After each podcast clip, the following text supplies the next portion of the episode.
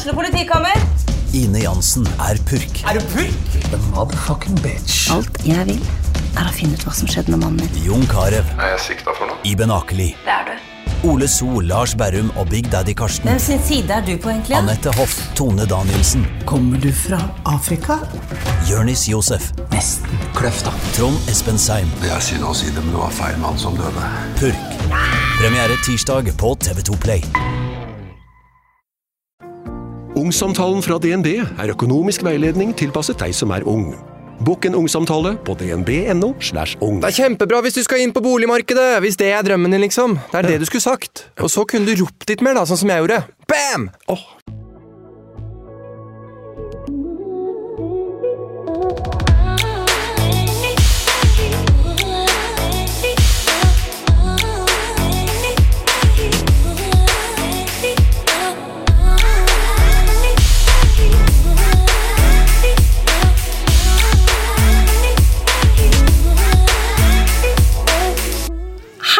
og velkommen til en ny episode av podkasten min Sykt ærlig med Martine. Og takk for at du hører på! Det setter jeg enormt stor pris på. Og før jeg begynner å prate som på ordentlig, så vil jeg bare si ifra om at det jeg nå snart skal lese, og det dagens gjest skal fortelle, kan være vanskelig å høre på for enkelte. For i denne episoden så skal jeg snakke med Emma om hva som skjedde den dagen hun ble voldtatt. Emma er ikke hennes ekte navn, men det er det vi bruker, og hvorfor, det skjønner du snart. Hun hadde nettopp fylt 14 år da det skjedde, og tiden etter var ekstremt tøff. Emma opplevde å ikke bli trodd. Hun har vært gjennom hele tre rettssaker. Hun har måttet flytte, påkjenningen har vært enorm, meningene har vært mange, og historien hennes er veldig, veldig tøff. Men den er dessverre ikke unik. Denne måneden har jeg snakka med forskjellige mennesker som på en eller annen måte har tilknytning til rettsvesenet og det kriminelle livet. Både Sandra, som er 16 år og som allerede har en dom på seg, Martha Elise har fortalt om hvordan det er å elske en som sitter i fengsel, og Glenn har delt historien om hvordan det er å sitte 20 år i fengsel, hvorfor det ble sånn, og hvordan livet i fengsel har vært. I dag skal Emma fortelle om hvordan det er å stå på den andre siden. Hvordan det er å bli utsatt for et lovbrudd. Hvordan det er å gå gjennom både én og flere rettssaker, og hva det gjør med deg. Jeg minner om at dette er Emma sin side av historien. Og nå skal jeg lese et utdrag fra en bok der, som heter En sånn jente, som er en dokumentar om voldtekt, der bl.a. historien til Emma står beskrevet.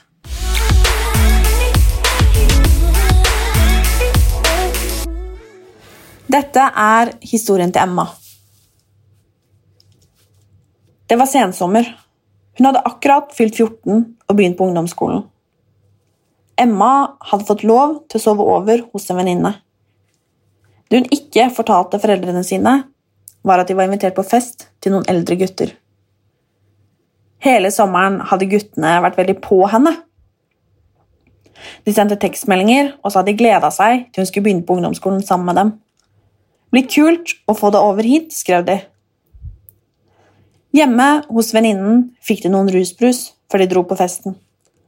I motsetning til Emmas foreldre var moren til venninnen litt chill på det. De hørte musikken lenge før de kom frem til villaen. Lyden kom fra dobbeltgarasjen. Der var det innredet et rom for ungdommene med myke sofaer, øl på bordet og kraftige høyttalere. Allerede var det fem-seks andre jenter der, og minst like mange gutter. Emma fikk et glass vodka i hånden. Hun var ikke vant til å drikke. Nå hadde hun fått i seg både rusbrus og sprit, og hun kjente seg svimmel og fnisete. Emma satt i sofaen da en av guttene kom bort og tok tak rundt henne. Hun var liten for alderen, og han var sterk og løftet henne opp i én bevegelse, akkurat som at det ikke kostet han særlig med krefter. Han sa ingenting, bare gikk mot døra. Hva skjer? spurte Emma og lo. Hun tenkte at han tulla. Kanskje ble hun litt glad også. For han var en av de populære guttene. Hun lo fremdeles da han bar henne over gressplenen. Så lemte han henne inn i en trampoline med netting rundt. Det kom enda en gutt. Nå skal vi ha trekant, sa han. Emma husker at hun ble redd. Likevel smilte hun da hun sa nei, jeg vil ikke. Hele situasjonen var så uvirkelig. Dette skjer ikke, tenkte hun. Hun lå nede på trampolineduken da de trakk av henne buksene. Så hev de den over nettet, ut i mørket.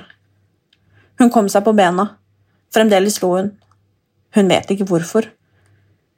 For hun kjente hjertet hamre i brystet. Den ene gutten stilte seg bak henne. Hun kjente hendene hans på skuldrene sine. Han dyttet henne ned i knestående. Den andre gutten stilte seg foran henne og dro under buksene og bukseshortsen. Emma sa nei.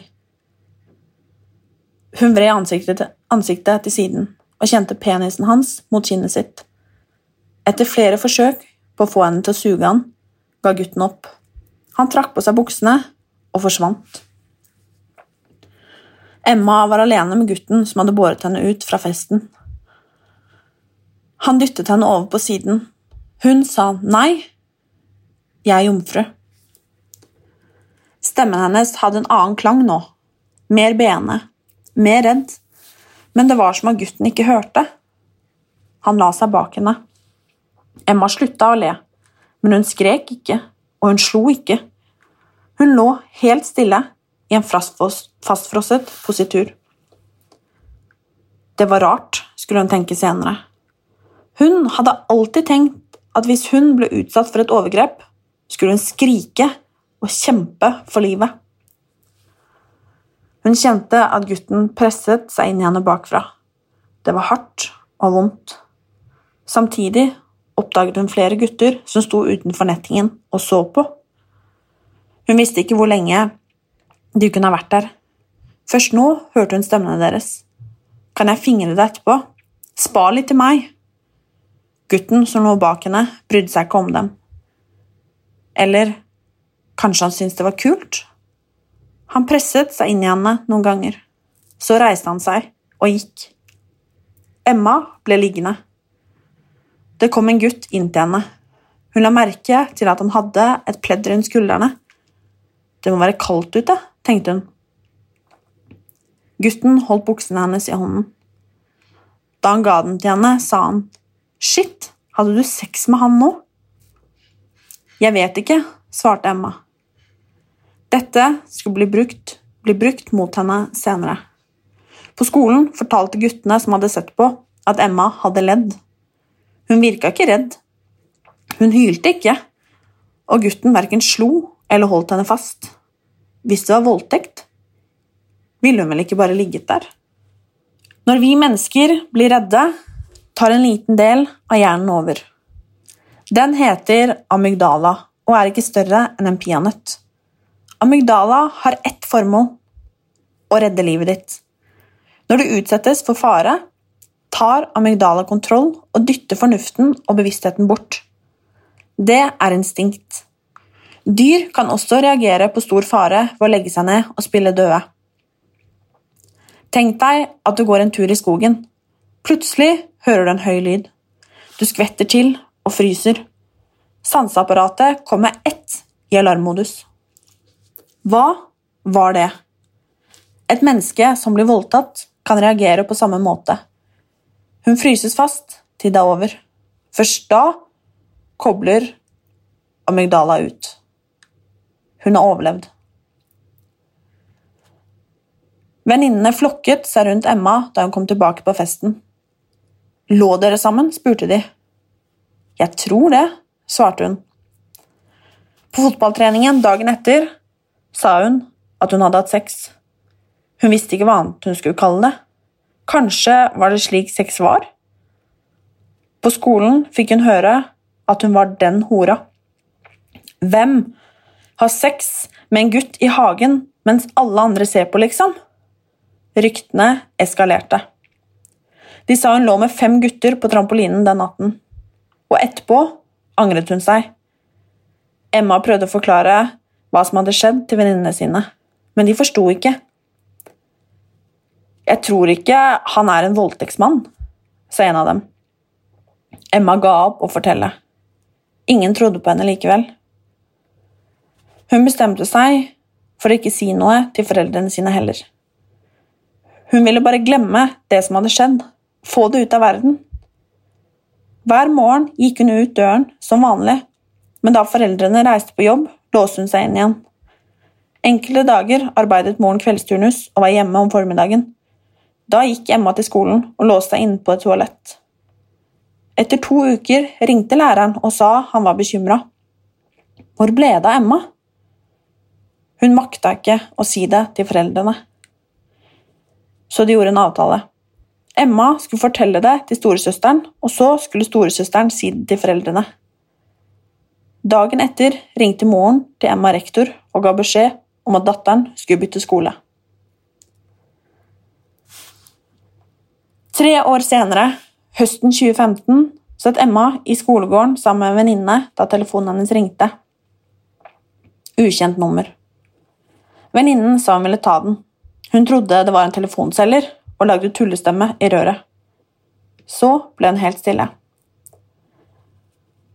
Med et engstelig uttrykk i ansiktet rakte hun Emma telefonen. Det er fra politiet. Vi vil gjerne få hente deg. Hvor er du nå? Emma satt i avhør i flere timer. Politiet fortalte at navnet hennes hadde blitt nevnt i flere andre avhør. Mange i miljøet visste at hun hadde opplevd noe ubehagelig. Nå ville politiet høre historien fra henne. Emma fortalte om overgrepet på trampolinen, men mot slutten av avhøret så sa hun at hun ikke ville anmelde. Det var flere år siden voldtekten. Hun ville ikke rippe opp i alt det vonde nå. Politiet sa dessverre. Dette var så alvorlig at nå overtok de og anmeldte på hennes vegne. På bussen hjem var Emma sint. Hun hadde hatt det vondt så lenge, og hun orka ikke å være lei seg mer. Akkurat da det begynte å gå bedre, skjedde dette. Hun fikk melding fra en venninne. Hvordan føles det å vite at alle hater deg? Meldingene fortsetter å komme, både fra kjente og ukjente. Stakkars gutt, skrev en. Flere mente at Emma hadde ødelagt livet hans. Hvordan kunne du gjøre dette? Hun fikk flere angstavfall og hyperventilerte så kraftig at hun besvimte. Emma torde ikke å gå av bussen alene, for hun var redd for å treffe overgriperen eller kameraten hans. Hvis hun skulle ut, måtte hun ha med seg en hun stolte på. Hun ble fulgt rundt som et barn. Emma var på fest da en av kompisene til gutten kom bort og skubbet borti henne med vilje. Han lente seg mot henne og hostet inn i hånden sin samtidig som han sa 'ekkel'. Emma lå våken om natten, og tankene hennes skremte henne. Er jeg i ferd med å bli gal? Er det verdt det? Hadde det vært lettere å gjøre slutt på alt? Hei, Emma. Hei. Hei, så hyggelig at du har lyst til å prate med meg. Ja, så hyggelig at jeg får komme og prate med deg. jeg merker at jeg er litt sånn Vi skal snakke om noe som er så vanskelig og alvorlig, og jeg vet nesten ikke hvordan jeg skal angripe det, om du skjønner hva jeg mener? Ja, jeg skjønner det. Litt sånn vanskelig å vite jeg merker at jeg blir så redd for å trå feil da, og gjøre liksom deg lei deg, og at vi liksom skal rippe opp i noe som er så vondt, da. Ja. Nei, men nå Dette er jo mange år siden, og derfor så går det bedre å prate om ting den dag i dag, da. Og, og jeg syns det er viktig å få ut hvordan, hvordan man har det etter man blir voldtatt, og, og viktig å spre på en måte Ja, både det vonde og det fine i ettertid, da. Mm.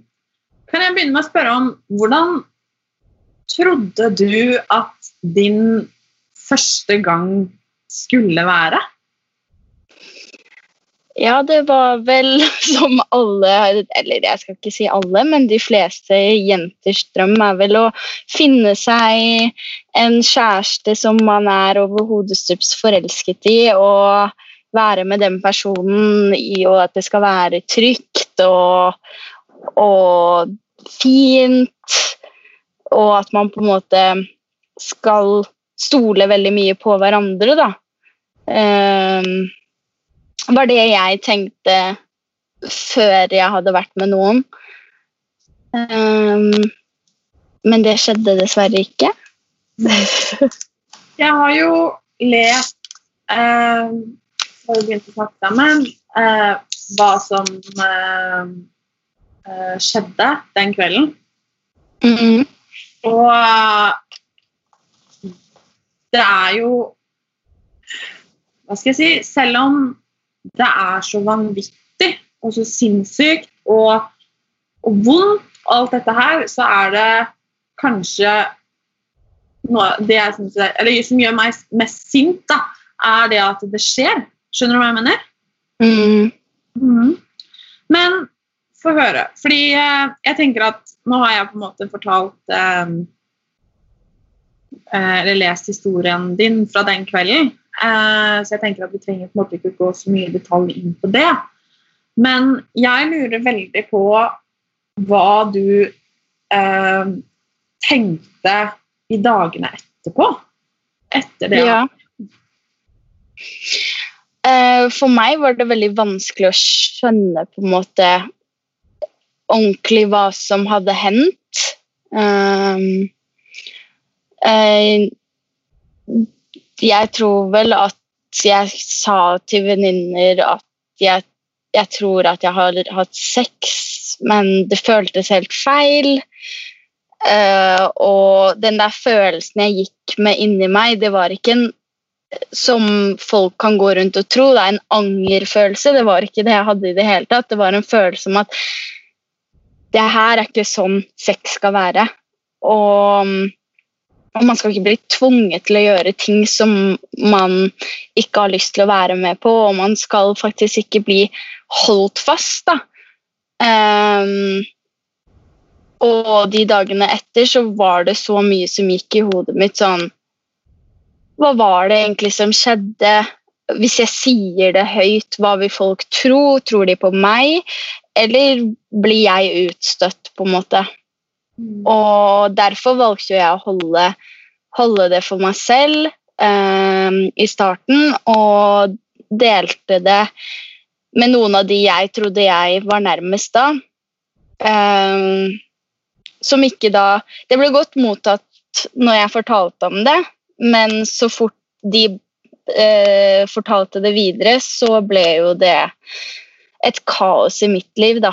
Um, og det endte jo da med at jeg ble eh, Holdt på å si eh, Hva heter det Den fæle personen, da. Mm. Det, det, var ikke dem, det var meg. Jeg var bare en som løy, og en som skulle En som angra på det jeg hadde gjort, og, og sånne ting, da. Så, så da dro jeg jo ikke på skolen mer. Og ja, jeg bare sluttet å gå på skolen, og moren min eh, jobbet turnus, så det var ikke så veldig lett å bare være hjemme. Eh, fordi hun kunne dra på jobb klokken fire, liksom. Så da latet jeg som at jeg dro på skolen, og så Og så var jeg ute hele dagen, bare til hun reiste. Og så gikk jeg hjem igjen, og etter Jeg tror det hadde gått kanskje tre eller fire uker, nesten en måned før skolen ringte hjem. Og det er jo helt sykt, det òg, at de ikke hadde ringt hjem tidligere når jeg ikke var på skolen. Um, og uh, selvfølgelig mamma klikket i vinkel da hun fant ut at bare, Hvorfor har ikke du vært på skolen? Og, og jeg bare knakk sammen, og jeg sa jeg klarer ikke å fortelle hvorfor. Og hun var sånn eh, Hun trodde jo bare at jeg hadde skulket og ikke ville på skolen. Um, og så sa jeg at jeg, jeg, kanskje kunne klare å fortelle det til søsteren min, da, som er eh, eldre. Mm. Eh, og, og, klarte å fortelle historien til søsteren min. Eh, og så fikk hun fortalt det til mamma, og så byttet de skole på dagen. De ringte og sa at jeg kommer ikke tilbake, og jeg skal ha skoleplass på en annen skole. da. Så det fikset de fort, men eh, skolen fikk jo sjokk, og de hadde mye krisemøter og masse sånn, men jeg tenker på en måte at det er for seint, da. Å begynne med Jeg skjønner jo liksom et krisemøte, men det er for seint å lære ungdom dette da, når det allerede har skjedd. Dette her burde være ting som blir snakket om fra, fra man er ganske ung.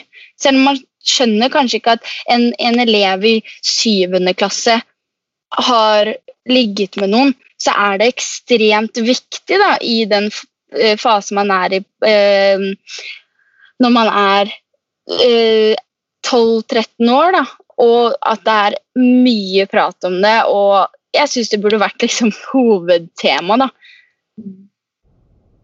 Eh, fordi at det blir ekst... det, det, bare går over styr, da, sånn som på en måte det har vært mange steder med fadderuker og med alt mulig, hvor det skjer helt sinnssykt mye ting som absolutt ikke er greit. Og bildespredning og videoer av jenter som står i doggy, og snikfilming og alt mulig. Det burde vært så mye mer i lyset, da. Mm. Og, og sånn som jeg opplevde det da jeg bytte skole var liksom Jeg var litt lettet for at jeg ikke gikk på skolen og skulle møte de hver dag. Men samtidig så er det jo et område hvor alle sammen bare vet alt. Så det ga meg en ny start, men det ble ikke på en måte bedre. Og før, før alt skjedde, så hadde jeg jeg klarer jo ikke å huske det nå i dag, men mamma og de her hjemme sier at jeg var flink på skolen, jeg hadde gode karakterer, jeg gjorde alltid leksene mine. Og jeg klarer ikke å skjønne det, fordi at den jeg ble jeg, jeg klarte ikke å konsentrere meg noe med skole. Det, det var liksom Det var det verste for meg å gå på skolen. det Når du fikk vite liksom, ja, vi har en prøve om to uker, så visste jeg at den prøven skal jeg ikke på. Allerede på en måte før vi hadde begynt på kapittelet. på en måte. For jeg visste bare at det er ikke plass i hjernen min, liksom. Jeg går og tenker på så mye hver eneste dag, og jeg har det så vondt inni meg selv da, at det å skulle fylle på med skoleting og, og sånne ting når du går og bare konstant har en sånn derre guard da, som du prøver å holde oppe for å klare å bare møte folk, liksom. Det, det var liksom ikke plass til å fylle på mer, da.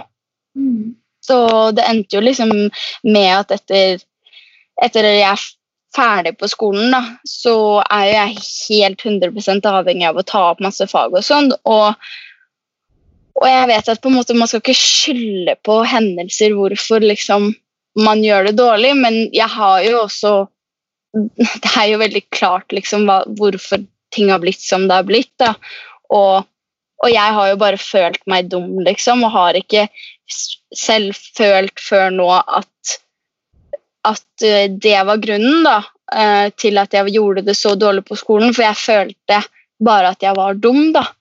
Mm. Um, og at jeg bare ikke fikk noe til. Og, og, har jo selvfølgelig gått til noen psykologer og fått hjelp. Um, og har jo fått høre liksom at det er måte på hvor mye et menneske kan takle. da. Uh, og det er måte på hvor mye man klarer å prestere når man selv har det dårlig. Um, og jeg husker veldig godt at den eh, psykologen som jeg fortsatt har eh, holdt på å si har i dag. Nå har jeg ikke vært hos ham på veldig lenge, men det hadde jeg hadde gått til nå. da. Og den første gangen jeg var der og pratet med han, så sa han bare til meg liksom Jeg kan ikke tro at du fortsatt står på to bein, og at du er at du ser ut som en helt oppegående, frisk jente når det er det her du har gått igjennom. Og da ble jeg litt sånn, fikk jeg en sånn seriøst, på en måte. Fordi jeg føler at ingen tror på meg, og jeg føler at, at jeg bare er skikkelig dum liksom, og ikke får til noen ting, og lærere er oppgitt over meg, og, og det, det, har liksom bare, bare, gått imot meg, har jeg følt. Da, at jeg bare ødelegger mitt eget liv og, og sånne ting. Da. Så det var liksom så godt for meg å få dem fra ham. Bare sånn Herregud, du er dritflink som bare står opp om morgenen, liksom.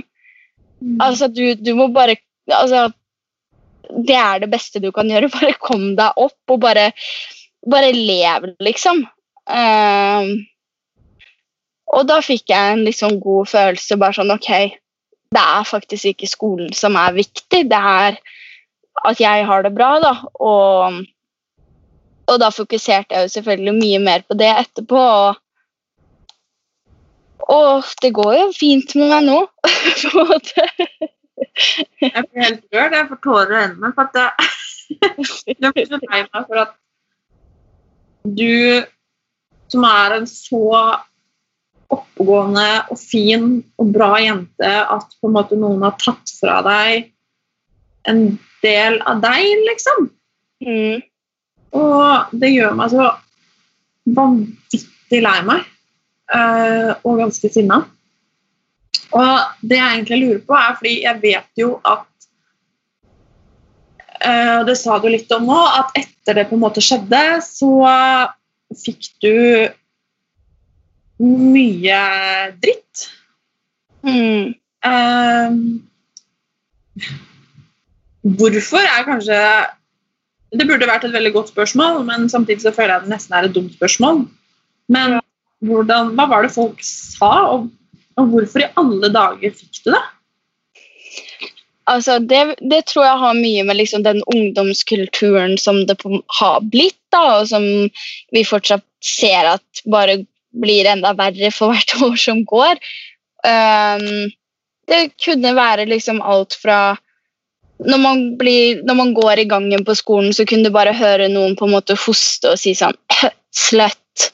Eller at du les, du fikk tilsendt fra andre liksom folk hadde skrevet i grupper, bare sånn eh, Altså ting som ikke stemte i det hele tatt. da, Bare sånn Hun har ligget med 90 stykker. Altså hva da jeg var eh, Kanskje på den tiden jeg fikk høre det, var jeg 16. Altså, For all det ligger med 90 stykker når du er 16, men det var bare sånn Ting, ting var helt sånn tatt så sykt langt ut, og, og folk liksom var sånn Ja, hun, er, hun lyver at hun voldt, at hun har blitt voldtatt. Eh, eh, for å få oppmerksomhet. Og, og stakkars disse guttene som går gjennom det her. Og det er så synd på dem, og hun ødelegger livet deres. Og liksom Og folk kalte meg bare sånn helt sånn Mye liksom eksempel hore, slett, mye i den kategorien, da. Um, og jeg merket jo liksom det når jeg at jeg fort ble veldig Hva skal man kalle det? Kjent. Uh, altså, jeg, jeg flyttet til uh, en annen kommune som var liksom et par timer fra der jeg vokste opp, liksom. Og der visste folk hvem jeg var, på en måte. Og da ble jeg sånn Hæ? Hvor, hvor, langt er det det her har gått, og hva er det du tror om meg? på en måte? Da er det sånn Ja, det er du som lå med 15 stykker på en trampoline, og, og, så, og så, er jeg sånn Hæ? Hvor kommer det her fra, liksom? Altså, det er virkelig som at en fjær blir til ti høns, liksom. Det, det bare sprer seg som ild i tørt gress, og bare fuff, og så bare det var helt sjukt hvor fort det gikk da, fra jeg på en måte fortalte det til mine nærmeste, til alle der jeg bodde, visste om det, til at bare enda flere altså Jeg hadde en venninne i Asker som hadde hørt om det her på skolen og sendte meg en melding og bare Har du ligget med ja, Nå husker jeg ikke akkurat, men så og så mange på en trampoline. Har du gjort det og det? Og så blir jeg bare sånn Hvordan har du hørt om det her? Nei, det var fra en som hadde hørt det fra den som hadde hørt fra den type. Og det bare det, det, ble, det ble aldri stille, da. Eh, det bare fortsatte å gå rykter, da, og veldig mye liksom seksuelt, og hvordan jeg var i senga, og hvordan musa mi var, og, og liksom eh, At jeg hadde ligget med så mange, og, og sånne ting, da. Og når venninnene mine liksom Da jeg var med dem, så var de så støttende, så, så gode med meg, da, og liksom virka som utrolig gode venner, men så rett etterpå så kunne de bare sitte og slarve og bare hun, hun bare lyver, og hun bare sier dritt og, og sånne ting. Og det gjorde jo liksom Altså, for meg, da, da jeg gikk i åttende klasse, så var det jeg gleda meg mest til i livet da jeg var 12-13 år, var russetida, liksom. Det var det jeg så fram til. Og var på buss og liksom gleda meg så mye til det, og vi samla inn så mye penger på dugnader og alt mulig sånn. Og så kommer vi videregående, da, og så, og så blir jo liksom disse vennene på en måte mindre venner, fordi jeg klarer på en måte å skjønne hvordan de har vært mot meg. da. For jeg har jo hele veien prøvd å dysse det ned, og ikke liksom det skal bli snakket så mye om, da, fordi jeg har på en måte innsett at det er ingen som tror på meg uansett. Um, og har på en måte ikke villet at jeg har jo Eller det viktigste for meg da er venner. Og det å miste vennene sine, det, det klarte ikke jeg å tenke på i det hele tatt. Så for meg det å være med disse vennene som faktisk hadde vært så jævlige mot meg, var på en måte det, det, eneste jeg klarte. fordi det å se et liv uten venner, det klarte jeg aldri å tenke meg. da. Mm. Så jeg fortsatte jo å være med dem, og så da jeg begynte på videregående, og sånn fikk jeg jo en ny, ny krets og liksom var sånn Herregud, det er sånn venninner skal være, liksom. Så støttende, inkluderende, og her er det oppriktige jenter som bryr seg. Og jeg følte liksom at når jeg fikk fortalt min historie, da, at jeg ble trodd. Og det, det opplevde jeg jo skikkelig da jeg, da jeg gikk i første klasse på videregående. Mm. At, um, at, det kom noen rykter om meg ganske i starten. Kanskje vi hadde gått på skolen et par måneder. Da plutselig fikk jeg høre sånn at jeg hadde ligget med en hockeygutt på do Uh, at jeg hadde ligget med så og så mange. Det var ganske mange sånne stygge ting da, som ble sagt. Og da var det liksom hun som har blitt min nærmeste på skolen, da, hun var sånn det her, det her tar vi faktisk til rektor. Vi skriver ned alt folk går rundt og skriver om deg og sier om deg, og så skriver vi det ned på en lapp, og så gir vi det til rektor. Og så var jeg veldig sånn Er, er det nødvendig, på en måte? Og så var hun sånn det skal ikke bli dratt med deg hvor enn du går. At folk er jævlig mot deg og slenger rykter om deg pga. at du har blitt voldtatt, liksom. Altså, det blir, det blir, helt feil. Og så var jeg bare sånn Ok, vi, vi prøver, da. Og så ga vi den lappen til rektor, og han selvfølgelig satt der og fikk sjokk da han leste, leste det og så hva det sto. Um, og da var jeg jo veldig klar over hvilke to jenter som på en måte hadde spredd, spredt alt dette. da. Og han sa til meg at om du vil, så får ikke de gå på denne skolen mer. De, det er rett ut. Jeg vil at vi skal ta så jævlig hardt ned på det her, og det er ikke greit. Og da kjente jeg skikkelig den derre åh, han tror på meg, liksom. Han, han, han ser min hva jeg går igjennom, da, og så på en måte gir han meg typ makten da, med at han faktisk kan kaste ut disse som går og sier sånne ting om meg som absolutt ikke er sant. Um, og mitt valg var jo da at jeg hadde lyst til å gi dem en ny sjanse. Eh, for jeg føler at folk kan bli på en måte dratt veldig med av hverandre da, og hisse hverandre opp og si veldig mye mer ting enn man egentlig mener når man, man drar hverandre med på ting. da. Så jeg tenkte kanskje at hvis de får den her av rektor nå, en skikkelig advarsel, på en måte, så vil ting gi seg, og det gjorde det. Um, og jeg er faktisk veldig glad for i dag at jeg, at jeg turte å gjøre det, fordi for meg var det veldig vanskelig. Jeg hadde ikke lyst til å liksom egentlig snakke om det til, til en mann på 50, liksom. Og, og det å bare dele, dele ting som sto der, som på en måte var så ekle ting som sto. da. Hadde ikke lyst til å vise det til en totalt fremmed mann, liksom. Bare sånn de sier det her om meg, men jeg er veldig glad for det i dag. Og, og da jeg valgte også å flytte ut fra um, ut fra Oslo, eh, så valgte jeg jo også å å ikke være med på russebussen mer, noe som på en måte hadde betydd veldig mye for meg, og jeg gleda meg veldig mye til. Og disse jentene skjønte jo da ikke hvorfor jeg ikke skulle være med mer, og de ville ha meg til å betale typ full, fullt ut resten av betalinger, som var veldig mye penger. Eh, og de, ja, de kunne ikke skjønne hvorfor, da. Eh, så mm, så det endte med at søsteren min tok et møte med dem. Og etter det møtet så Så sa de ikke noe mer, for å si det sånn. Da fikk jeg alle penger tilbake, eh, og mye meldinger av jenter som hadde sittet og grinet i hele møtet, og ikke innsett hvor hvor ille de hadde behandlet meg da, gjennom de årene på ungdomsskolen og, vi, og liksom starten av videregående, men mest på ungdomsskolen, for det var jo der jeg gikk med de fleste. Mm. Um, og den der knekken flere av dem fikk uh, Og når jeg fikk de meldingene, så hadde jeg jo helt ærlig Jeg hadde lyst til å skrive 'fuck you'. Altså, jeg hadde ikke lyst til å være hyggelig, liksom.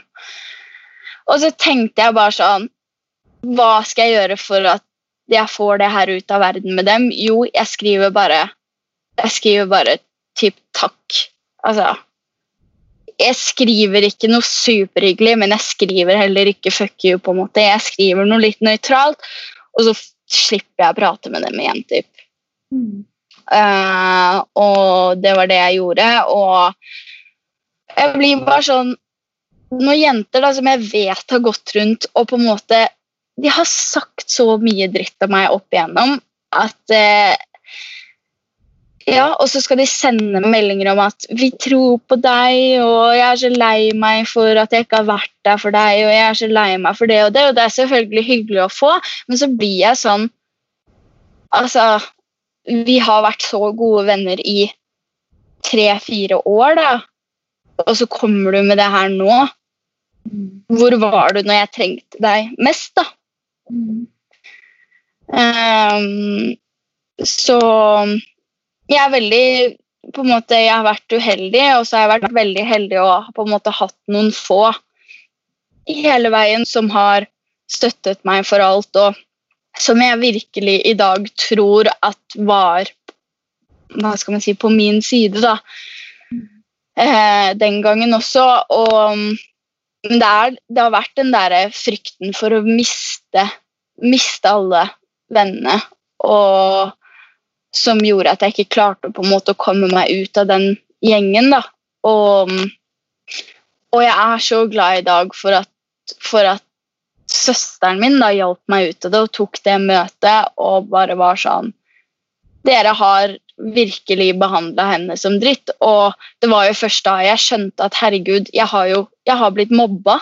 Altså, jeg trodde ikke jeg hadde blitt mobba noen gang, men etter på en måte min storesøster har fortalt meg alt sammen, så har jeg på en måte skjønt at ja, men herregud, jeg har faktisk blitt mobba over alle disse årene. Jeg har hatt det så jævlig med at disse her har gått rundt og sagt det og det og det og det, liksom.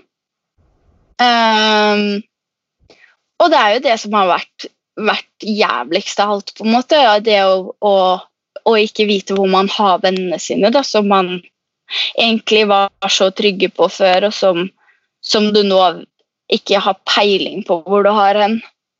Og alt Så, alt dette som på en måte kom i ettertid, kom av at kom av voldtekten.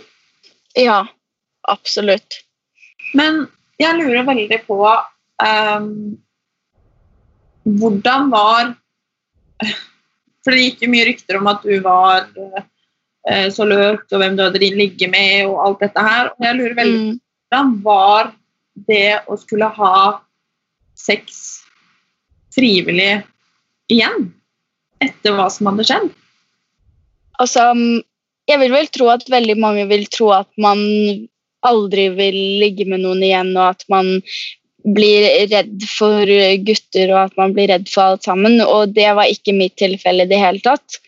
Eh, de tok jomfrudommen min, og eh, etter det så, så så jeg ingen mening med sex lenger. Det var, det var bare sånn Det ble Det betydde ingenting for meg. Og jeg vet ikke hva som skjedde om jeg liksom altså, hva som fun hva, Hvordan hjernen fungerer, da. Men det ble bare til at jeg lå, lå rundt og Og det gjorde jo også at veldig mange folk tenkte herregud, hun er ikke blitt voldtatt, hun ligger med flere folk, liksom. Eh, og det er veldig forskjellig hva folk definerer som mange, da, men hvis vi sier jeg ligger med mange, da, så, så, så, mm, så har på en måte Om det har skyld i det, eller, eller hva, liksom, det vet jeg ikke helt, men det ga Sex var jo ikke noe viktig lenger. Det var det var helt ubetydelig, og jeg tenkte liksom bare herregud, bare ligge med han og ligge med han og bare gjør sånn. Det gjør meg ingenting. Det betyr ingenting for meg. Um, og jeg hadde ingen kjærester, og jeg bare var med forskjellige gutter, og de fikk meg til å føle meg litt spesiell der og da, men så var det litt sånn kast og bruk eh, fra min side, liksom. Jeg jeg, jeg bare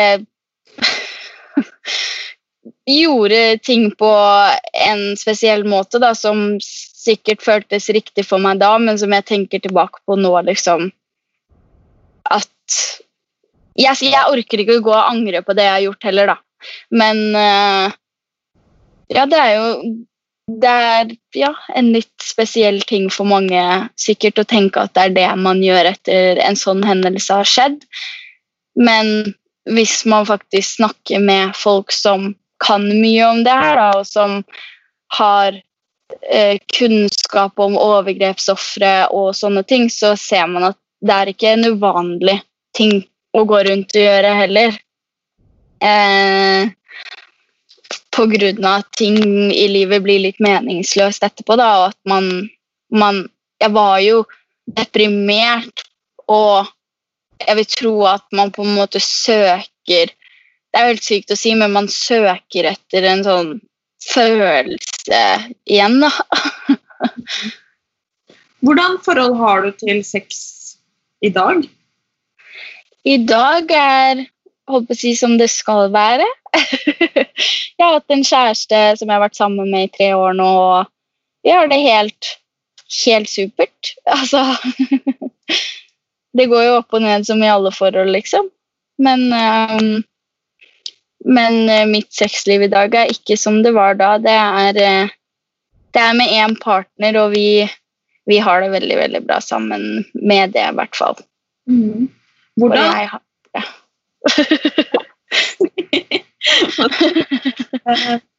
eh, hvordan eh, fortalte du han om hva som hadde skjedd? Det gjorde jeg før vi ble sammen. Eh, når vi fortsatt på en måte var venner, eller om man skal si at vi, ja, vi drev vel på litt, da. Eh, jeg liker jo å være åpen om, om det, fordi at det har på en måte blitt en stor del av min oppvekst da, og hvordan jeg er som person. Og, og mitt syn, da. Eh, så for meg så var det på en måte litt viktig å si det til han.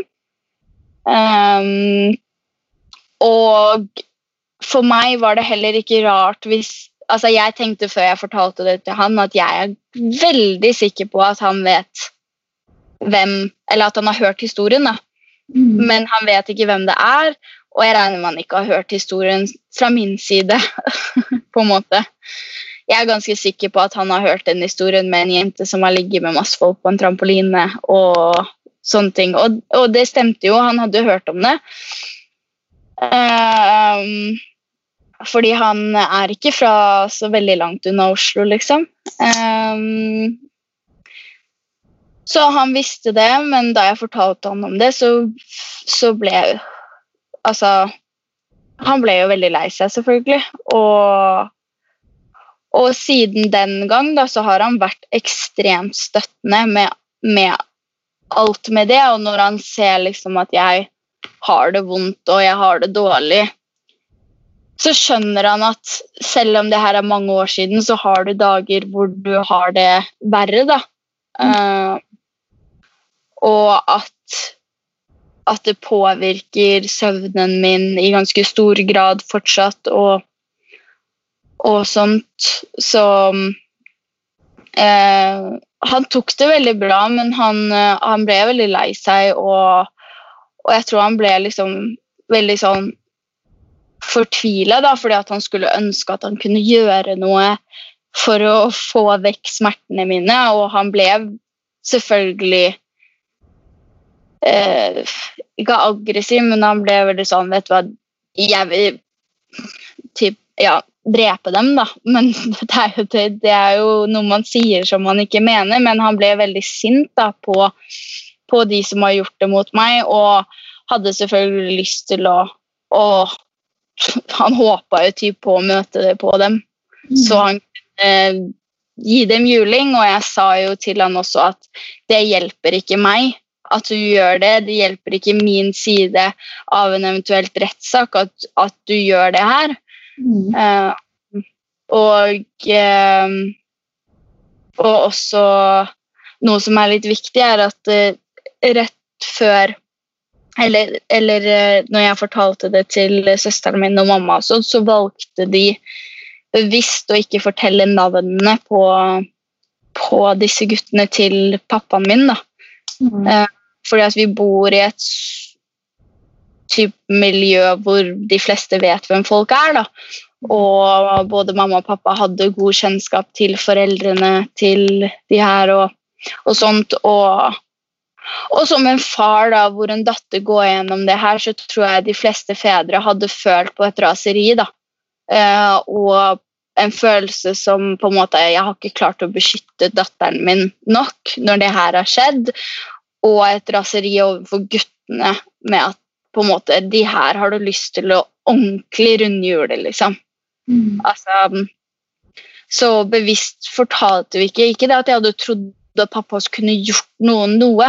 Han er den snilleste, han, men, eh, men eh, jeg tror nesten det var bedre for han også da vi fortsatt bodde i Oslo, at han ikke visste det, og, og at han fikk vite det liksom senere med når, når rettssak og alle politiavhør og alt mulig sånn begynte.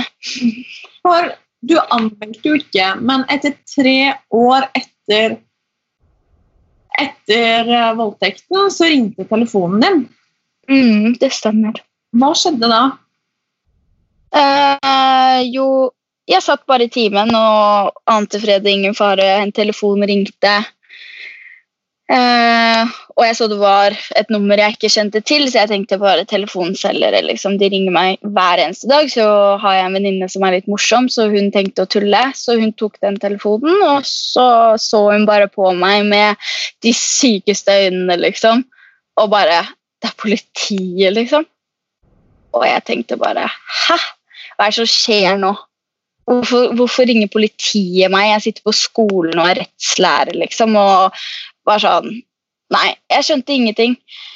Um, og så klarte jeg på en måte i de sekundene så prøvde jeg å tenke hvorfor, hvorfor ringer de meg?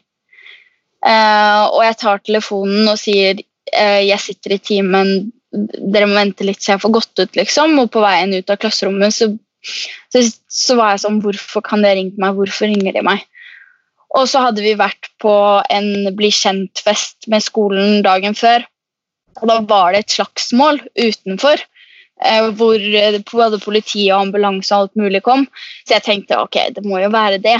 Fordi at jeg var vitne til det, liksom. Og så bare Det første politidamen spør meg om, er bare sånn Kjenner du han og han?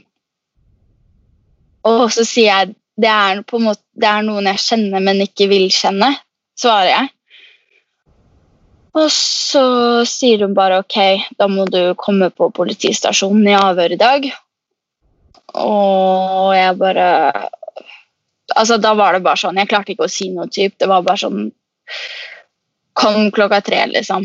Og kom meg dit og og den følelsen jeg hadde inni meg fra jeg la på den telefonsamtalen og til jeg kom til politistasjonen, det, det var helt sjukt. Fordi at jeg, jeg klarte ikke å, å plusse sammen noen ting og få det til å stemme. Hvordan, hvordan visste de om det her?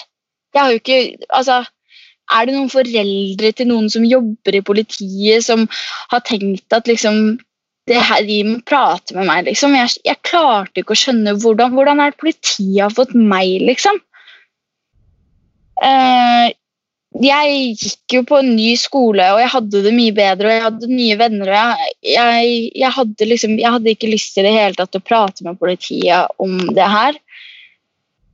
Um, og da jeg kom på politistasjonen, så, så var liksom hun jeg møtte, hun var hyggelig nok, hun, på en måte. Men det, du kjenner at det, du, det blir veldig seriøst da, når, når du vet at det, alt du sier, blir tatt opp på en liten boks, liksom, og det er et kamera i hjørnet som filmer hele tiden. Og, og jeg ble liksom sånn Jeg har aldri vært på en politistasjon annet enn å ta passbilder, liksom.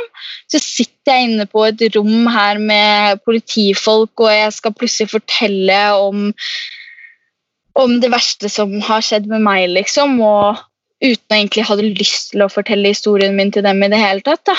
Mm. Uh, og det sa jeg jo når jeg kom inn også. Jeg sa jeg har, jeg har ikke lyst til det her. Jeg har ikke lyst til å fortelle dere noe. Og så sier hun til meg nei, men du er vitne, så du har plikt til å fortelle det du vet. Du må fortelle alt du vet om disse personene. Ja, for det er det her som er litt vanskelig, at grunnen til at du eh, måtte komme i avhør, var fordi at eh, Nå må jeg også holde tunga rett i munnen. Ja. at de som hadde gjort dette mot deg, var involvert i flere saker. Ja. Eh, og de sakene skal jo egentlig ikke vi gå inn på, selv om det på en måte i hvert fall i første omgang hang sammen med din sak. Men det er Mm. til at, eh, fordi navnet ditt hadde dukka opp. Som Ja. er fordi eh, noen i en sak sa at dette har skjedd med deg også. Eller dette har skjedd. Mm. Um, og Uh, Ja, da kan du fortsette. ja, nei, men det er helt riktig, i hvert fall. Uh, så det er noen som har nevnt mitt navn da, og sagt at det her har også skjedd med henne. Uh, og, og da er man pliktig til å fortelle det man vet, og så sier jeg liksom Allerede før jeg begynner å fortelle, sier jeg at jeg, jeg har ikke lyst til å anmelde. liksom. Jeg har ikke lyst til at dette skal bli en sak. Jeg begynner å få det bedre i livet mitt, liksom. Vær så snill. Og så forteller jeg historien min da, til dem. Uh, og det er ikke bare å fortelle hva som har skjedd. Det, de graver ned i det dypeste lille gresstrå, liksom. Altså Altså typ Hvilken farge på trusa hadde du? Hadde du like sokker på deg? Hvilket merke hadde buksa di? Altså, det, er, det er ting som du ikke, ikke husker etter tre år. Altså sånn Det er helt umulig, og alt Det skulle bare graves og graves og graves. Jeg, jeg var sikkert der i seks-syv timer. Eh, og da, på det tidspunktet her var det jo ingen som visste om det. Ikke mamma, ikke pappa, ikke vennene mine.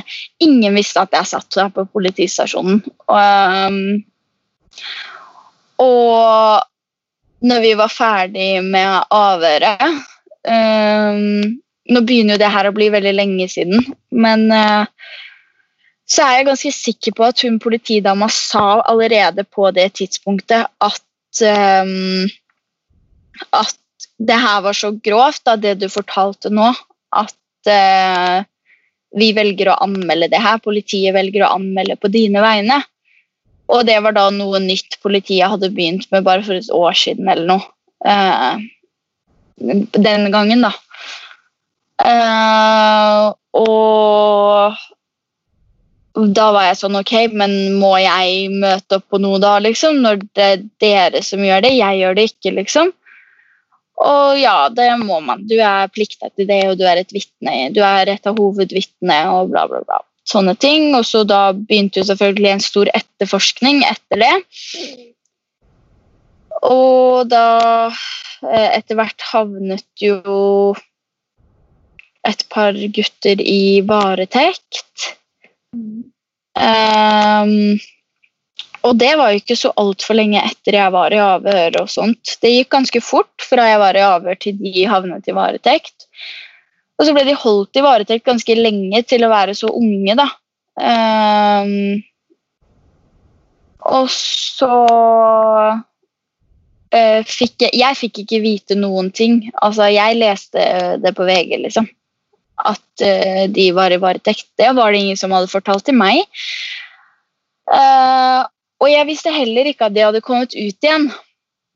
Uh, og jeg hadde spesifikt sagt til politiet at kan dere være så snill å holde meg litt oppdatert, liksom? Fordi jeg vil gjerne vite når jeg går ut av døra, om jeg tør å sette meg på den trikken, eller om jeg faktisk blir hjemme.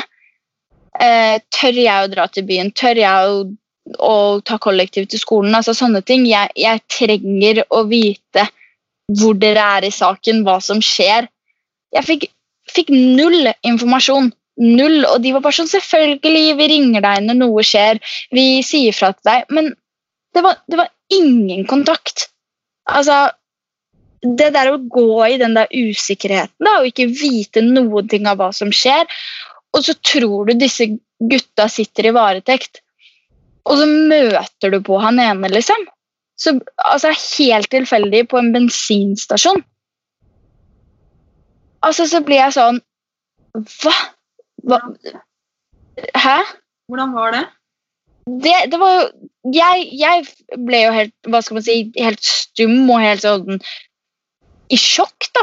For hva som, jeg trodde jo at han satt inne, liksom. Altså, Jeg hadde ikke fått noe, vite noe annet. Og plutselig ser jeg han eh, på en bensinstasjon, liksom. Og, og, ikke at vi var noe nære hverandre eller sånn, men, eh, men jeg kjente liksom at jeg, jeg, ble så rasende forbanna for at jeg ikke hadde fått vite noen ting. da, Og den følelsen som jeg fikk da Heldigvis var jeg ikke langt unna hjemme, så jeg fikk liksom bare reist hjem med en gang. Og, og så var jeg bare sånn Nå tør jeg ikke å gå ut av døra, på en måte, fordi det er så lite område, da føler jeg at det er så lett å møte på folk. Uh, og så når de da kom ut av uh, varetektene, jeg så han den dagen og, og alt sånn, så så tok det Ja, det tok vel tre år, da. Før det ble rettssak. Tre Ja tre nye år med etterforskning. Um, og det var tre nye år hvor du ikke i det hele tatt vet hva som kommer til å skje, liksom. Altså Du vet at politiet holder på med et eller annet, men mm, altså det, det skal jo ikke ta så lang tid. Og unnskyldningen deres var at hele tiden under etterforskningen poppet opp nye ting, for det er så mye mennesker. Det er så mye ungdom, da. Og det kommer bare flere, flere historier, og når én først har på en måte begynt, da, så begynte ballen å rulle. Og da det, fikk de liksom bare enda flere hendelser på alt mulig. da.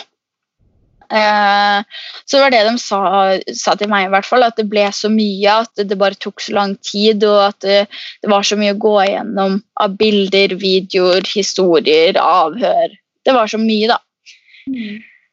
Eh, så på de tre årene så gikk jeg jo to år i Oslo på videregående, flyttet Uh, og begynte nesten å tenke at ting var ferdig igjen, på en måte. Her kom man jo ingen vei. Uh, og og så får man vite at det blir rettssak. Og det fikk jeg vel vite kanskje et, et halvt år i forveien eller noe sånt. At det skulle bli en rettssak i Var det november eller desember eller noe? Um, og da hadde jo jeg flyttet til et nytt sted og liksom på en måte tenkt at ting var ferdig, da, og så kommer det en rettssak som skal ødelegge alt igjen. Altså, jeg følte bare jeg aldri fikk fred. Uh, og jeg bare følte det var så urettferdig, fordi det var ikke det her jeg hadde lyst til. da. Eh, og når da den dagen for, retts, uh, for um, rettssaken kom, og jeg hadde jo jeg hadde en helt fantastisk advokat um, som på en måte klarte å, å snakke med meg, da, for jeg var så forbanna liksom, på rettssystemet for at jeg måtte det her. da. Og hun klarte på en måte å snu tankene mine til det som er litt, litt mer korrekt. Da, det å tenke nå er man her, man får ikke gjort noe med det. Nå må du bare gønne på. Du må fortelle akkurat sånn din side av saken, det du har opplevd.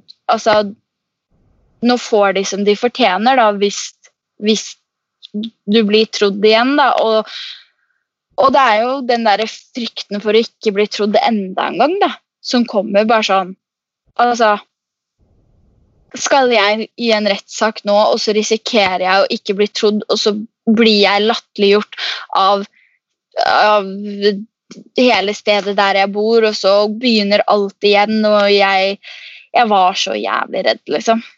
Uh, og det gjorde meg veldig, veldig psykisk dårlig, da. Og det har jo gjort at jeg har fått uh, veldig panikkangst og sliter med mye panikkanfall som, som, er litt bedre nå i dag, men som har vært helt forferdelig tidligere. da.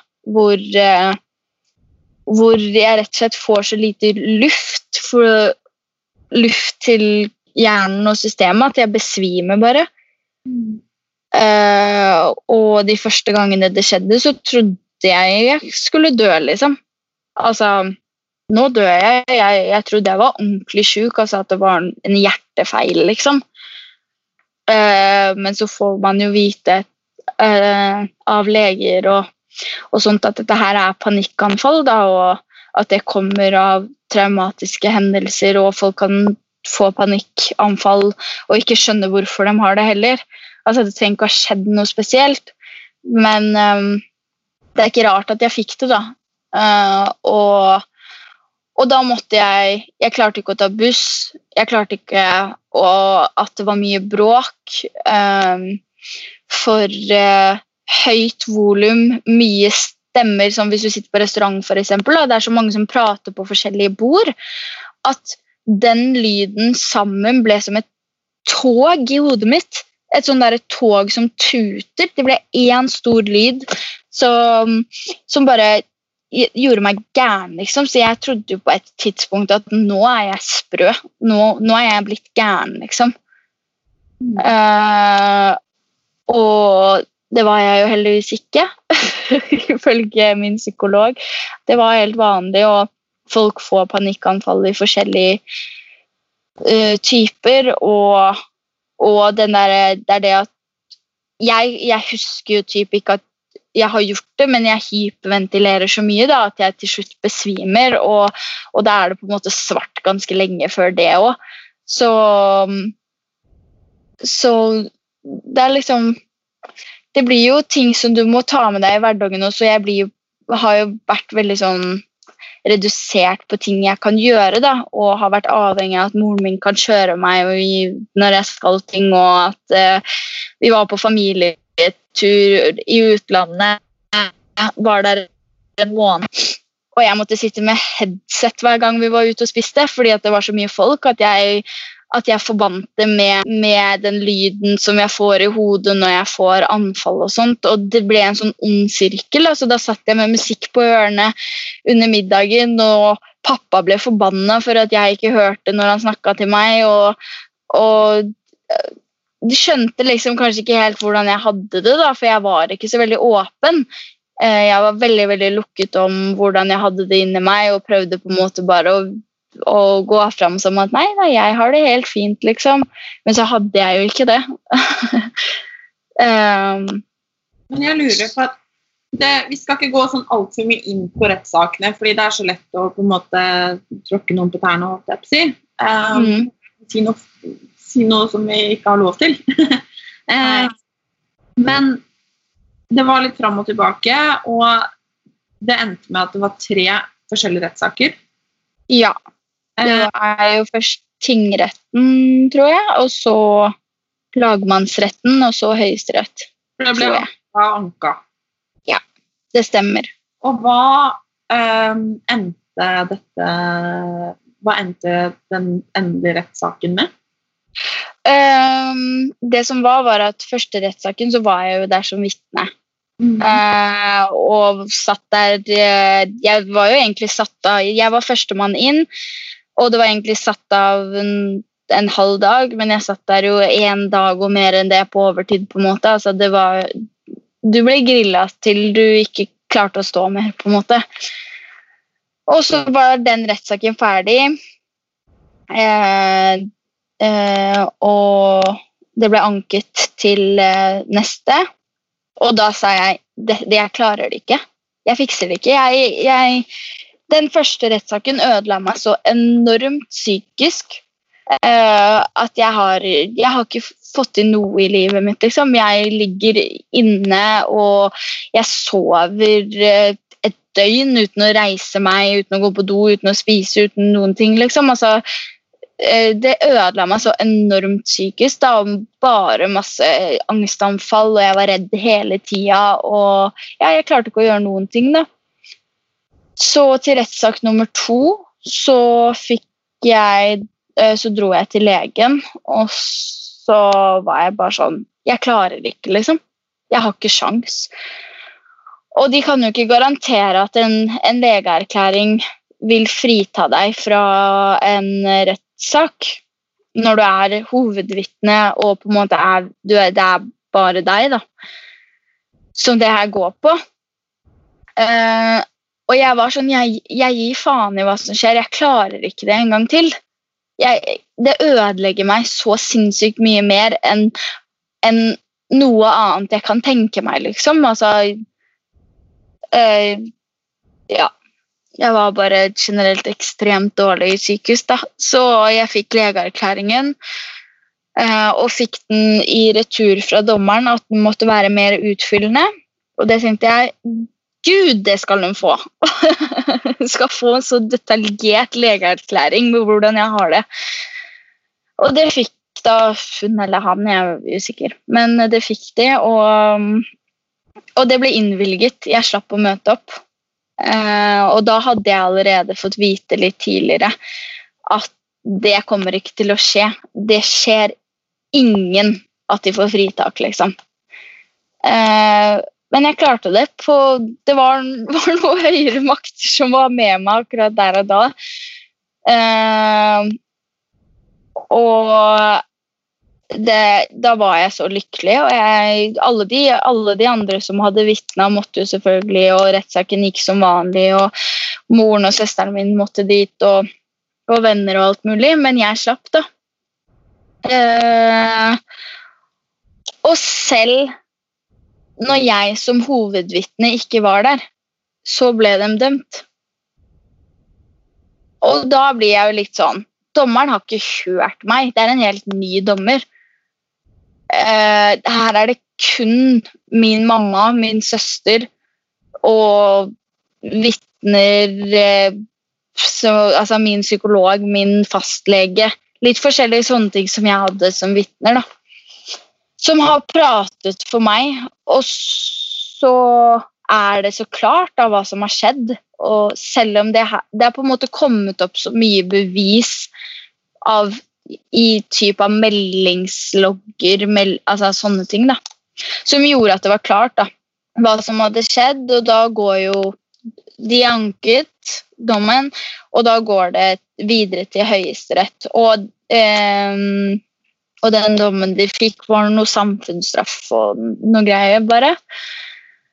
Uh, og så gikk det til Høyesterett, og da, da, jo- da trenger ikke jeg å møte opp uansett. fordi da anker ikke du på eh, dommen sånn sett, og anker på hvor stor dommen er. da. Så du blir på en måte dømt, men du kan få mildere straff. da. Så da, det, da er jo ikke det avhengig av meg og mitt oppmøte. Eh, så det var jeg veldig glad for, for jeg var jo redd for at jeg måtte gjennom det igjen, og at jeg ikke skulle få det godkjent den gangen der, liksom.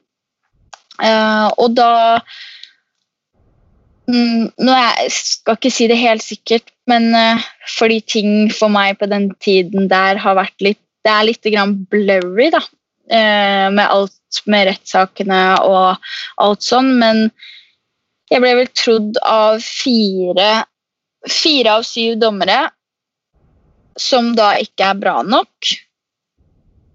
Eh, og så fikk jeg erstatningskrav, da.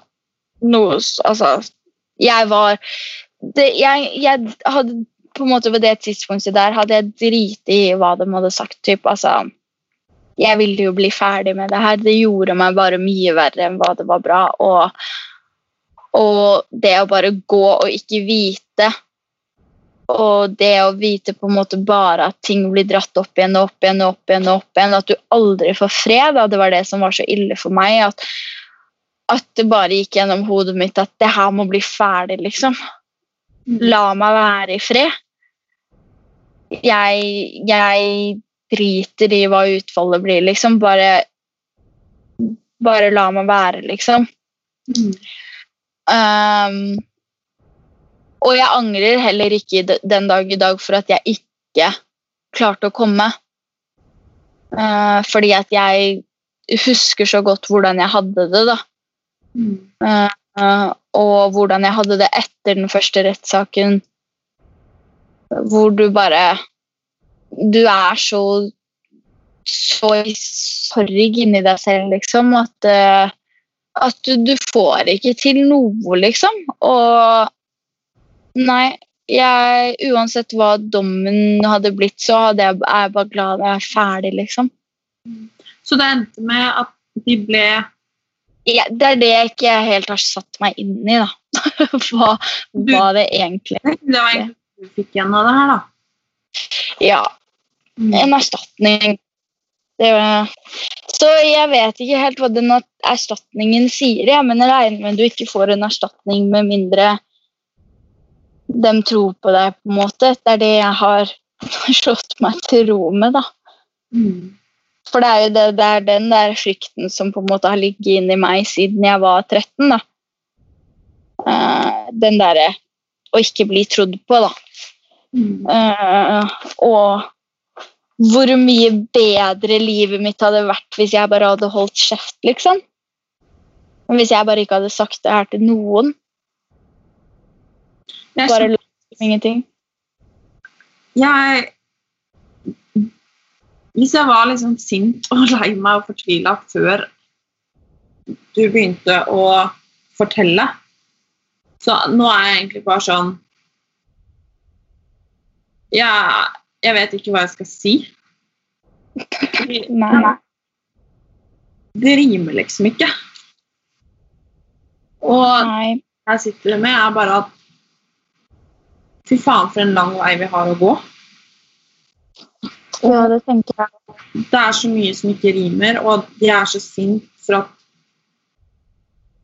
Til syvende og sist, uansett hvor ille disse som har begått denne handlingen, har hatt det. De kan ha det Det driter jeg egentlig i. Eh, men til syvende og sist er det du som sitter igjen og har det verst. Mm. Og det er det som i mitt hode er så riv ruskende gærent. Ja. Og så lurer jeg på For nå begynner du jo i hvert fall å få det litt på avstand. Mm. Mm. Og jeg vet ikke om man i det hele tatt noen gang kan bli ferdig med en sånn hendelse og så mange traumatiske år eh, du har hatt. Men har du, der du sitter nå, noen råd til de som enten eh, nettopp har opplevd det, eller som står midt i det, eller i samme situasjon som deg, da? Mm. Jeg syns jo det er veldig vanskelig, siden jeg har gått igjennom det å ikke bli trodd på, da. Og jeg tror det er det veldig mange sitter og er redd for, da. Det å ikke bli trodd. Fordi det er en helt jævlig følelse. Eh, og at det har skjedd noe så traumatisk med deg og ikke bli trodd. Eh, og, og jeg også blir jo liksom helt fortvila når folk Hvis du er på vors med masse folk, og så er det noen som sier å, hun der går rundt og sier at hun er voldtatt, f.eks. At jeg overhører at noen sier det om noen andre, da. Så eksploderer jeg jo, uavhengig om jeg vet hvem den personen er eller ikke. For om hun sier at hun har blitt det, da, så tenker jeg at er det noen som er så sjuke at de faktisk går og lyver om det, på en måte? Altså, altså, jeg vet jo at det skjer, men det gjør meg jo sinnssykt sint at for oss som det faktisk har skjedd med, da, så er det noen personer som går rundt og ødelegger for alle andre ved å lyve om disse tingene. da. Og altså På en måte med alt med politiet og sånne ting. Nå har jeg ikke akkurat statistikken på hvor, hvordan det går, men det er veldig, veldig få jenter som får saken sin gjennom, da. Og jeg, sånn som på en måte jeg har opplevd alt med meg, er at alt med politiet, alt med rettsvesenet, alt sånn gjorde ting for meg tusen ganger verre enn hva det var fra før. Derfor har jo ikke jeg lyst til å anbefale noen om å fortelle det til politiet. Det, som er helt jævlig. Det ja, jeg blir sånn For jeg er bare sånn Anmeld, anmeld, anmeld, anmeld. Og så er Ja. det så jævlig trist at en som har gått gjennom det, og tre rettssaker, sitter igjen med følelsen av at det ikke var verdt det. Da, tenker, Mm. eh, da håper jeg det er noen som lytter til denne episoden her og tenker at shit, dette må vi gjøre noe med. Som har makt til å gjøre noe med det. Ja. Og nå skal jeg stille et siste, men ganske vanskelig spørsmål. Uh, og jeg vet ikke om det i det hele tatt er greit at jeg stiller det, men hvis du kunne sagt noe til de som gjorde dette mot deg, disse gutta, og de gutta som går rundt og tar seg til rette, da. Det er ja. ingen hemmelighet at det er ekstremt mange jenter som opplever det samme som deg. Eh, Mm. Er det noe du vil si til Si til de? Jeg vil jo at på en måte både unge gutter og unge jenter da, som eh, kanskje tar seg litt mer til rette enn hva man burde, at, at man trenger ikke nødvendigvis å skrike 'nei', eller altså gjøre det ekstremt tydelig og klart i store bokstaver 'nei', liksom. Men at, at det er viktig å på en måte lese en situasjon, da. At, at hvis den jenta der er overstadig berusa, skal jeg ligge med henne da? Selvfølgelig skal du ikke det. Uansett om hun typ signaliserer i hodet ditt at hun vil det, så vil hun mest sannsynlig ikke det. Fordi hun har ikke kontroll over seg selv. Og og til, til jenter som, som fryser og ikke klarer å si noe, da, som meg, da, i mitt, mitt tilfelle. Eh, som før alt skjedde, sa jeg nei, men når alt begynte å skjedde, var jeg helt, helt stille en, og stiv som en pinne, på en måte. Er det et ja? Det, er på, altså, det er det absolutt ikke. Altså, hvis du ikke får et ja, og hvis du ikke får altså, Jeg syns det er så viktig å få den der å spørre ordentlig Vil du ligge med meg? Har du lyst til at vi skal ha sex? Og du får svaret ja, det har jeg lyst til. Så kjør på, da. Men hvis du ikke får noe svar, hvis alt Da gjør man det ikke. Altså, det tenker jeg i hvert fall. At det, er, at det er mye viktigere å få det ja enn å få nei. på en måte, Fordi nei kan være ganske mye. Så enkelt og greit så burde det kanskje være en regel at ok, nei er nei, men bare ja. Om du forstår. Ja. Det er sånn Ja. faktisk spør. Og så tenker jeg kanskje at hadde jeg eh, vært mamma og Fordi jeg er alltid oppdratt med at og nei, jeg på en måte må passe meg, hvis du skjønner hva jeg mener. Og det er vi de aller fleste av oss jenter. Liksom. Vi, må passe på. vi skal liksom være de som passer oss. Pass på, ikke passe på at ingen putter noe i drinken din. Pass på du, du, du, disse tingene her. Og jeg tenker at de alle som lytter, eh, og som er fremtidige mammaer av gutter, og som er gutt, altså guttemammaer, da, og for så vidt jentemammaer, og det er klart, men det er Hva skal man si? Jeg tror det er minst like viktig å lære at det er feil å voldta, enn å lære at man skal gå rundt og passe seg og være redd for å bli voldtatt. Absolutt, jeg er helt enig med deg. Jeg tror det er litt vanskelig for foreldre å ta opp den samtalen, og jeg tror mange tenker at nei, min sønn hadde aldri gjort det. Men så finner du din så, altså, så kan sønnen din ha vært med med flere kompiser og gjort ting. Da. Så blir du dratt med på ting du kanskje egentlig ikke ville gjort, men du blir spilt opp av gutta. Uansett hvor snill og englebarn og fin gutt du tenker at din sønn er, så er det så viktig å ta den samtalen. Og vise hvor verdiene skal være, da, og hvor man faktisk hvordan man skal se på andre mennesker og behandle andre mennesker. Mm. Og det er det samme med jenter, tror jeg. Disse jentene som blir med og snakker dritt, og, og som på en måte ja, sprer rundt seg med rykter og på en måte er med på den drittleken, om man kan kalle det det. At jeg har i hvert fall en sånn regel for meg selv at tenk om det hadde vært min egen søster. Mm. Da tenker jeg at man både som jente og som gutt eh, skal huske på i sånne situasjoner. Hva om det var en jeg var innmari glad i, liksom? Den som sto meg aller nærmest. Mm. Um, ja. Ja, jeg, jeg tenker at folk burde snu situasjonen slik og tenke sånn.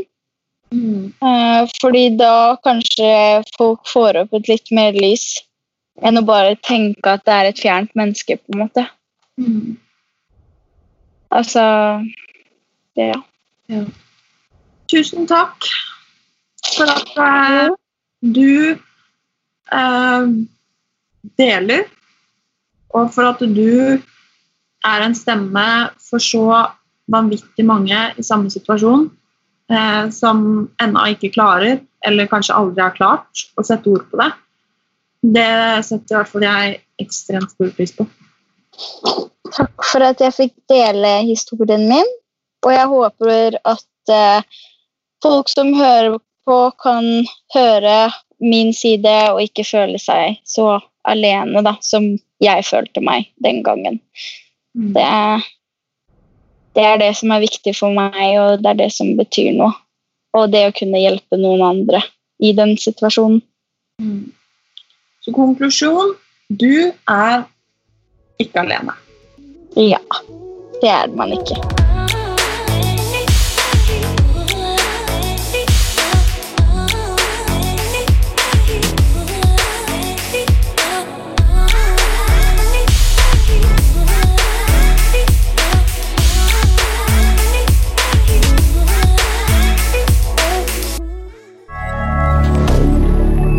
media.